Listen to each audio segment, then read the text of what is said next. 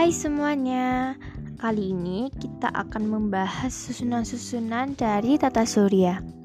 Yuk kita simak. Tata surya adalah susunan benda-benda langit yang terdiri atas matahari sebagai pusat tata surya, planet-planet, komet, meteoroid, dan asteroid yang mengelilingi matahari. 1. Matahari adalah bintang yang terdapat di dalam tata surya yang memiliki empat lapisan, yaitu inti matahari, fotosfer, kromosfer, dan korona.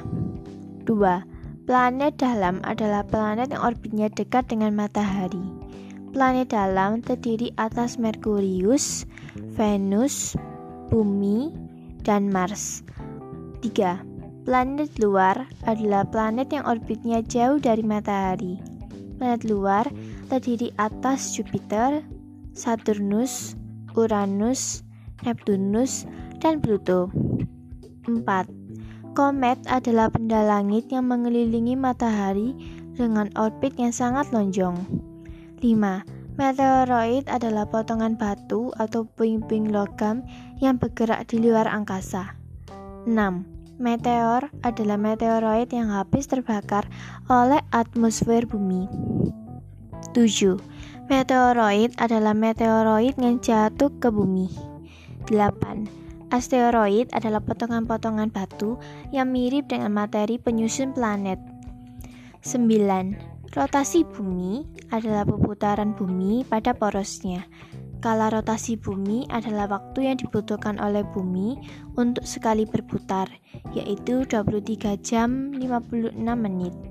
Dampak dari rotasi bumi di antaranya adalah gerak semua harian matahari, perbedaan waktu, pembelokan arah angin, dan pembelokan arah arus laut. 10. Revolusi bumi adalah pergerakan bumi untuk mengelilingi matahari. Kala revolusi bumi adalah waktu yang dibutuhkan oleh bumi untuk mengelilingi matahari, yaitu 365,25 hari. Dampak dari revolusi bumi di antaranya yaitu terjadi gerak semu tahunan matahari, perbedaan lamanya siang dan malam, dan pergantian musim. 11.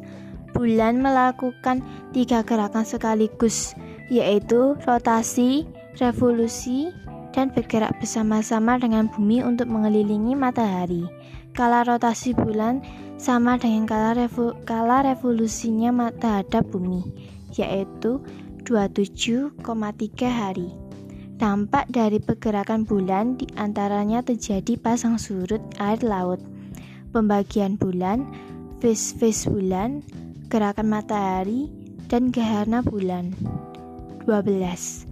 Gerah, gerhana matahari terjadi ketika posisi bulan berada di antara matahari dan bumi, dan ketiganya terletak dalam satu garis.